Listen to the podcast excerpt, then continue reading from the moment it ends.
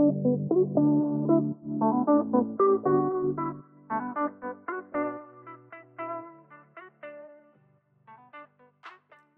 bij deze nieuwe aflevering van Law Talk.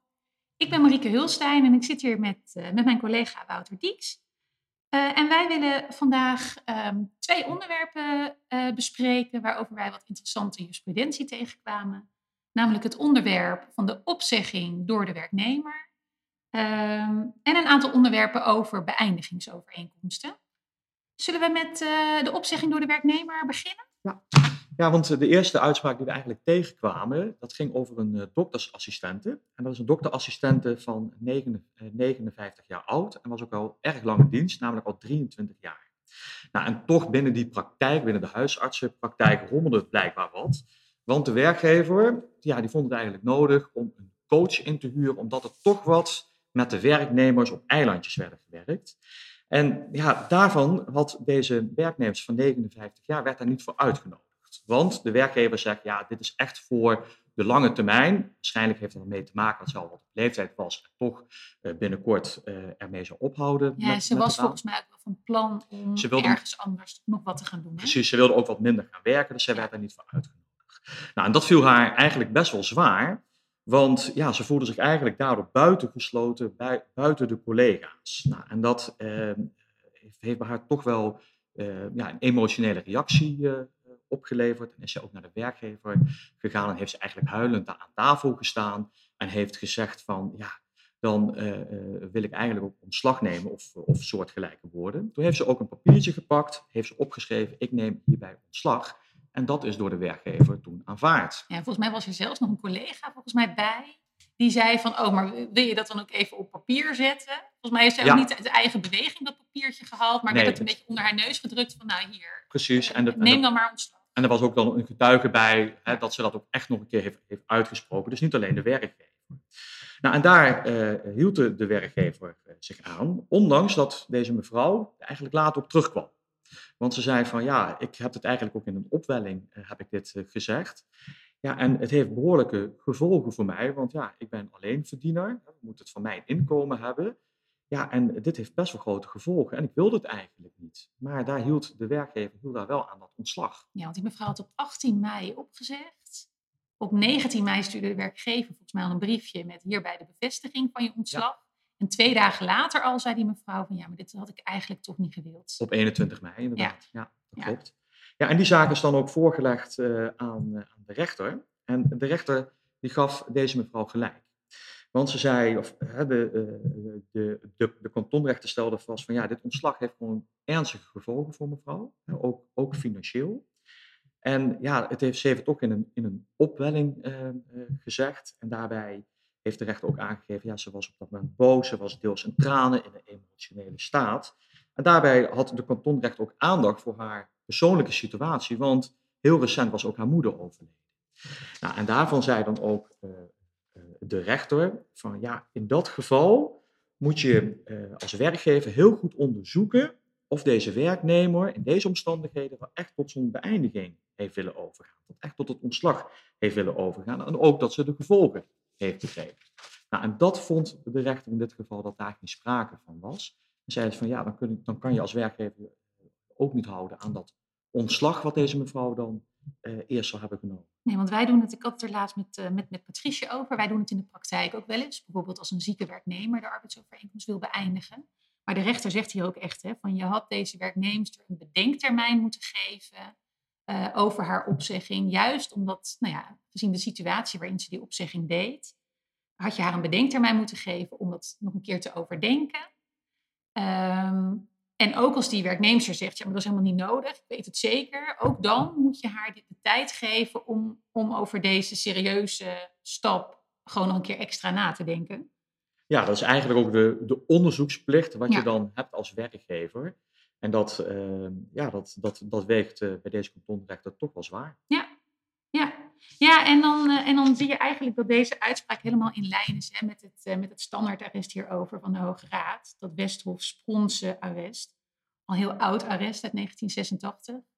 Ja, en daarin is ook eigenlijk gezegd, dat het moet echt sprake zijn van een, een uitdrukkelijke en ondubbelzinnige verklaring van ja. een werknemer. Ja. Met andere woorden, toch, ja, er moet bijna geen spel tussen te krijgen zijn. Nee, een duidelijke en ondubbelzinnige verklaring die ook echt gericht is op het beëindigen van de arbeidsovereenkomst. Nou, daar sluit deze uitspraak inderdaad eh, heel mooi op aan. Uh, en daar vonden we er nog eentje van. Uh, dat was een onderwijsassistente. Die had met, haar, uh, met, met de school waar ze werkte een conflict over het dragen van mondkapjes binnen de school. Dus daar duiken ook de mondkapjes weer op. Um, zij meldt zich dan op enig moment ziek. En een paar weken daarna hebben partijen een gesprek, een gesprek met elkaar. En in het gespreksverslag van dat gesprek staat dat de werknemster wil stoppen op die school. Scholengemeenschap is het volgens mij. Uh, en nou ja, dat zal worden onderzocht hoe ze daarbij kan worden ondersteund. Nou, vervolgens uh, stuurt die werknemster een mail naar de werkgever. Uh, waarin ze vraagt om haar arbeidsovereenkomst te ontbinden op 1 januari. En daarna stuurt ze ook meteen een e-mail naar haar collega's. Waarin ze aangeeft dat ze besloten heeft om haar loopbaan bij de school te beëindigen. Ja, een beetje een, een, afscheidsmail naar de collega's. Ja, een afscheidsmail. En die wordt een paar dagen, gevolgd, een paar dagen daarna gevolgd door echt een ontslagbrief aan de werkgever. Um, maar in de begeleidende e-mail bij die ontslagbrief schrijft die werknemster dan wel dat ze uh, dat het niet goed voelt om vrijwillig ontslag te nemen, maar dat de situatie haar daartoe uh, dwingt. Nou, die school, net als de, huisartsenpraktijk uh, in, jouw, in jouw kwestie, die accepteert die opzegging. En vervolgens vraagt die mevrouw op, op 9 december heeft ze de ontslagbrief ingediend en op 14 december dan herroept ze, her, herroept ze, wil ze haar ontslag herroepen. Maar ook deze school die blijft bij, bij, de, bij, de opzegging. Um, nou, ook deze werknemster gaat naar de kantonrechter en die zegt, ja weet je, hier zou op teruggekomen moeten worden.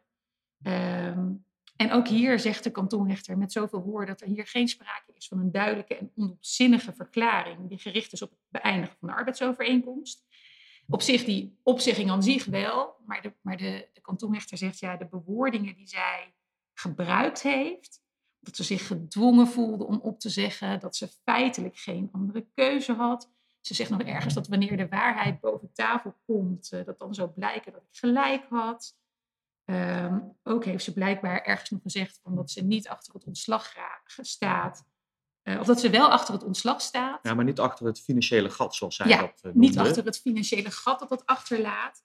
En dat laatste zou er volgens de kantonrechter niet op duiden dat zij de arbeidsovereenkomst eenzijdig willen beëindigen. Ja, kijk, wat de, eh, de rechter nog wel zegt, die zegt, ja, als je kijkt naar deze stukken, dan zien we daar wel een wens in hè, van de werknemers om ontslag te nemen. Maar ja, dat is nog, uh, nog niet per definitie dan die, zoals we het eerder al noemden, die uitdrukkelijke en ondubbelzinnige verklaring, wat weer gericht is op het ontslag. Nee. Dus die wens is, de, is de, volgens de kantonrechter wel, maar dat is onvoldoende om zo'n ontslag eigenlijk aan te nemen. Ja, dus de kantonrechter zegt één, geen duidelijke en onbezinnige verklaring. Dan was blijkbaar ook nog opgeworpen door die school.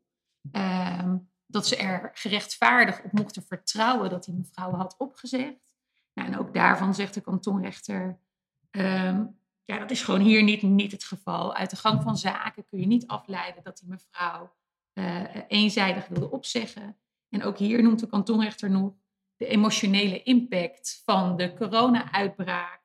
Dat dat, uh, en, en, de, en de maatregelen die daarmee uh, die daarmee gemoeid zijn, dat dat ook weer impact heeft op mensen, waardoor ze, nou ja, als je de kantonrechter zo leest, misschien uh, dingen doen die ze niet hadden gewild. Um, daar, had, daar had de scholengemeenschap ook rekening mee moeten houden. Dat hebben ze niet gedaan.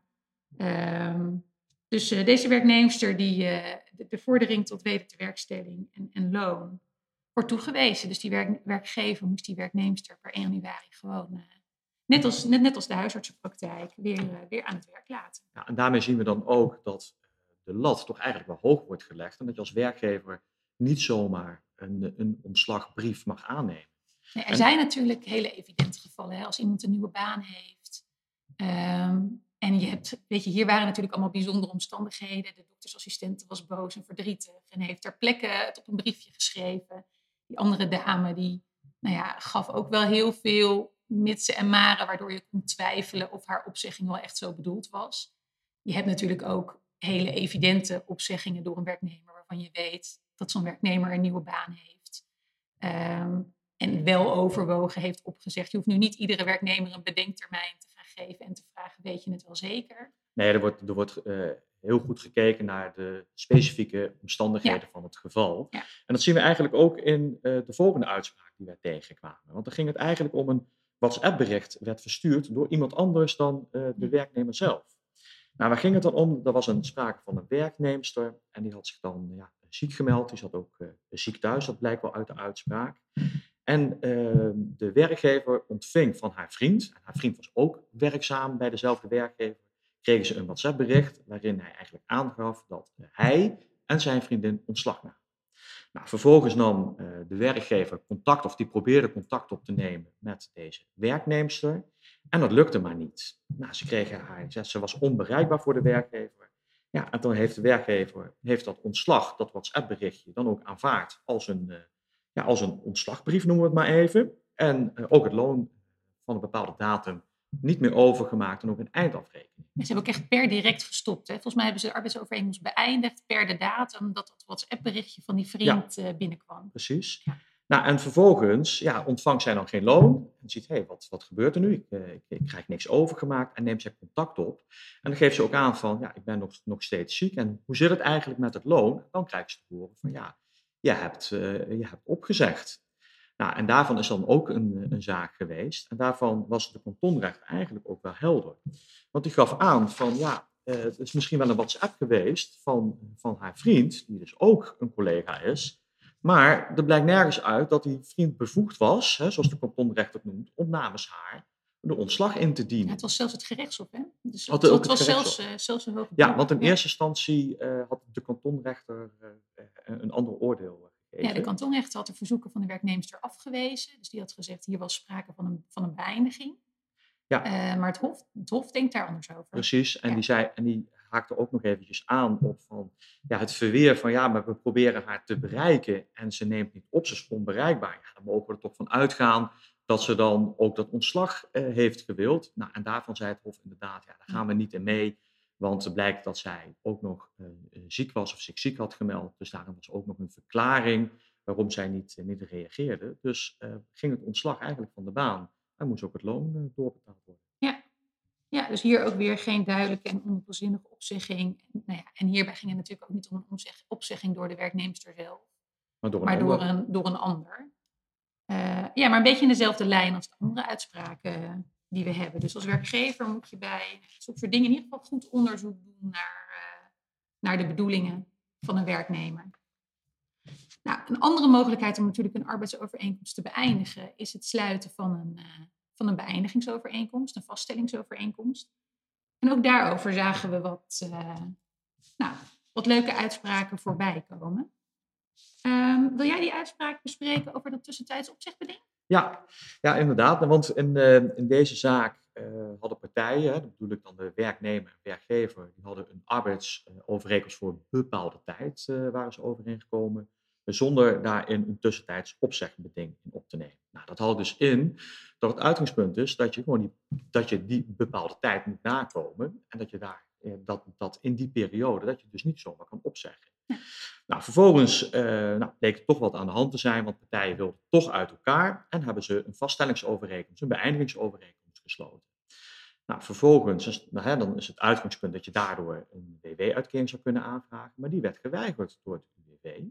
Want het UWV zei van, ja, maar er zit bij de arbeidsovereenkomst, er zit geen tussentijd opzegbeding in, dus wij gaan geen WW-uitkering toekennen, althans in ieder geval niet gedurende die, die bepaalde tijd. Nee, want wat, wat partijen hadden gedaan is alsnog in de vaststellingsovereenkomst opnemen dat er, een tussen, dat, er tussen partijen een alsnog een tussentijds opzegbeding gold. Precies, en daar ging het UWV niet in mee nee. en die verwees gewoon naar de arbeidsovereenkomst. Ja. Nou, en ook deze zaak is dan voorgelegd aan, aan de rechtbank. En die gaf eigenlijk aan van ja, zolang het dienstverband bestaat, dan kan je als werknemer met de werkgever gewoon samen afspreken om die arbeidsvoorwaarden te wijzigen. Waaronder dus ook zo'n opzegbeding. Nou, en dat is dan gebeurd in die beëindigingsovereenkomst. En daarvoor zei de rechtbank, ja, op dat moment was er nog geen sprake van ontslag, was er nog sprake van een dienstverband. En mag je dat dus afspreken? Dus had het UWV uh, niet deze WW-uitkering mogelijk. Nee, want het wetsartikel waar het UWV zich op beriep, daarom zei de, zei de kantonrechter inderdaad, van daarin staat niet ehm, dat er na aanvang van de arbeidsovereenkomst geen wijzigingen meer, meer mogen plaatsvinden. Contractsvrijheid tussen partijen. Dus ook als je daarna iets, iets zou wijzigen, nou in, in dit geval hebben partijen bij de vaststellingsovereenkomst een tussentijds opzegbeding alsnog afgesproken. Dat zou niet aan het verkrijgen van een uitkering in de weg moeten staan. Volgens mij zegt de kantonrechter ook nog ergens dat op het moment dat de arbeidsovereenkomst eindigde, was er sprake van een tussentijds opzegbeding, want die hadden partijen natuurlijk in de vaststellingsovereenkomst uh, gezet. Uh, dus had, had, deze werknemer gewoon recht uh, op een WW-uitkering, althans. Het UWV moest daarover een nieuw besluit nemen. Je noemde net uh, trouwens de kantonrechter, maar hier was sprake van de bestuursrechter, omdat het een zaak was tegen het UWV. Oh, natuurlijk. Het ging natuurlijk om de toekenning van een, uh, van een WW-uitkering. Dus, dus nou ja, mocht je als werkgever en werknemer dus in de vaststellingsovereenkomst of in de arbeidsovereenkomst geen, uh, geen tussentijds opzegbeding hebben opgenomen, maar er doen zich gedurende de arbeidsovereenkomst toch uh, omstandigheden voor waardoor je wil beëindigen, dan hoeft het ontbreken van een tussentijds opzegbeding in de arbeidsovereenkomst dus geen belemmering te zijn om toch uit elkaar te gaan en uh, voor de werknemer om toch per einde dienstverband meteen aanspraak te kunnen maken op een WW-uitkering. Voor zover je dat dan opneemt. Voor zover, ja, moet je natuurlijk wel ergens alsnog een tussentijds opzegbeding opnemen. En dat had je natuurlijk, dat kun je in de vaststellingsovereenkomst zelf doen. Dat kun je denk ik ook in een soort addendum op de arbeidsovereenkomst uh, doen. Uh, maar dat lijkt niet, tenminste op basis van deze uitspraak uh, van, de, van de rechtbank Amsterdam, ehm, lijkt dat niet aan, eh, aan het recht op een uitkering in de weg te staan. En dan hadden we nog een laatste uitspraak over ehm, de bedenktermijn. Die geldt bij de, bij de vaststellingsovereenkomst. Als een werknemer en een werkgever een vaststellingsovereenkomst sluiten, heeft die werknemer 14 dagen de tijd om die vaststellingsovereenkomst te, ontbinden. Om zich, uh, of drie weken, als, als zo'n ja. uh, artikel, of als ja. artikel niet in de, in de vaststellingsovereenkomst ja, staat. Dus 14 dagen of inderdaad uh, twee of drie weken. Ehm, en als de, de werknemer die vaststellingsovereenkomst ontbindt, nou ja, dan, dan blijft het dienstverband gewoon voortbestaan. Nou, wat was hier nou aan de hand? Werknemster was al in 1994 in dienst getreden bij, bij KLM. KLM Catering Services. Uh, en in februari 2021 uh, is ze in gesprek gegaan met de werkgever over het beëindigen van haar arbeidsovereenkomst. Um, en uiteindelijk op 1 maart laat de gemachtigde van die werknemster aan KLM weten dat ze akkoord gaat met het voorstel dat KLM heeft gedaan. Um, maar ja, dat was natuurlijk de eerste van de maand. En je zit natuurlijk altijd met een, met een opzegtermijn. Dus deze werknemster die stemde ermee in dat in de vaststellingsovereenkomst zou worden opgeschreven dat partijen op 26 februari overeenstemming bereikt hadden. Zodat de arbeidsovereenkomst volgens mij per 1 juli kon eindigen in plaats van per 1 augustus. Nou, vervolgens tekenen partijen allebei die vaststellingsovereenkomst. Um, de, de werkgever op 2 maart, werknemster op 8 maart. En uiteindelijk op 15 maart maakt de werknemster gebruik van haar bedenktermijn. En zegt ze tegen KLM weet je, ik wil er, ik wil er toch op terugkomen. En daarvan zegt KLM dan van, ja, weet je, je bent te laat. In de vaststellingsovereenkomst staat 26 februari als datum van overeenstemming. En 15 maart is twee weken daarna. Uh, dus je kunt geen beroep meer doen op die, uh, op die bedenktermijn. Ja, dan is het de vraag van ja, wanneer gaat dan die bedenktermijn in? Ja, ja nee, dat is, en dat is inderdaad hier, hier, hier de vraag. Um, en de kantonrechter die, uh, die zegt van ja, weet je, daarbij gaat het erom wanneer partijen uh, schriftelijk de vaststellingsovereenkomst zijn overeengekomen. Um, en het moment waarop ze schriftelijk het zijn overeengekomen, dat is het moment waarop de, de bedenktermijn gaat gelden. En de kantonrechter die volgt hier ook de stroming die je in de rechtspraak ziet. Dat de bedenktermijn gaat lopen op het moment dat partijen overeenstemming hebben over de essentialia van de overeenkomst. Dus de beëindigingsdatum, de hoogte van de vergoeding. Nou, weet je, de belangrijkste elementen als partijen daarover overeenstemming maar hebben. Maar dat zal in deze zaak dan uh, eh, 1 maart zijn, want toen heeft die gemachtigde eigenlijk akkoord bevonden. Ja. En niet 8 maart, waarin zij uh, de overeenkomst daadwerkelijk heeft getekend. Nou ja, dat is precies wat de kantoorrechter, uh, wat de kantoorrechter hier zegt. Die zegt uit de gang van zaken, de e-mails die zijn uh, gewisseld tussen de gemachtigden. Daaruit blijkt dat partijen op 1 maart overeenstemming hebben bereikt over de essentialia. En dat uiteindelijk in de vaststellingsovereenkomst is komen te staan dat partijen op 26 februari overeenstemming bereikt hebben. Dat de werknemer daarin de werkgever eigenlijk tegemoet heeft willen komen, want daardoor kon, er een, kon de arbeidsovereenkomst een maand eerder eindigen. Dat maakt niet dat haar bedenktermijn daarmee ook al eerder is gaan lopen of, of is verkoord. Um, en dan is zij op 15 maart uh, dan heeft zij op tijd nog eh, de overeenkomst ontbonden. Ze was precies op tijd. Eén dag later, dan was ze te laat geweest. Maar op 15 maart kon ze zich nog bedenken. En dat is ook precies wat de, wat de kantonrechter inderdaad zegt. De kantonrechter zegt dat de vaststellingsovereenkomst tijdig is ontbonden. Dus uh, bleef de arbeidsovereenkomst hier ook na 1 juli uh, gewoon voortbestaan. En moest KLM dus ook het salaris van deze werknemster doorbetalen. Nou, dit waren de uitspraken die wij in deze Law Talk wilden gaan bespreken. Uh, wij willen weer bedanken voor het luisteren. Hopelijk vond u het interessant. Uh, mocht u nog interesse hebben in onze andere podcasts, die zijn er natuurlijk ook allemaal nog, nog, nog terug te luisteren. En volgende week maandag uh, om 12 uur zal er weer een nieuwe Law Talk online komen. Tot ziens. Tot ziens.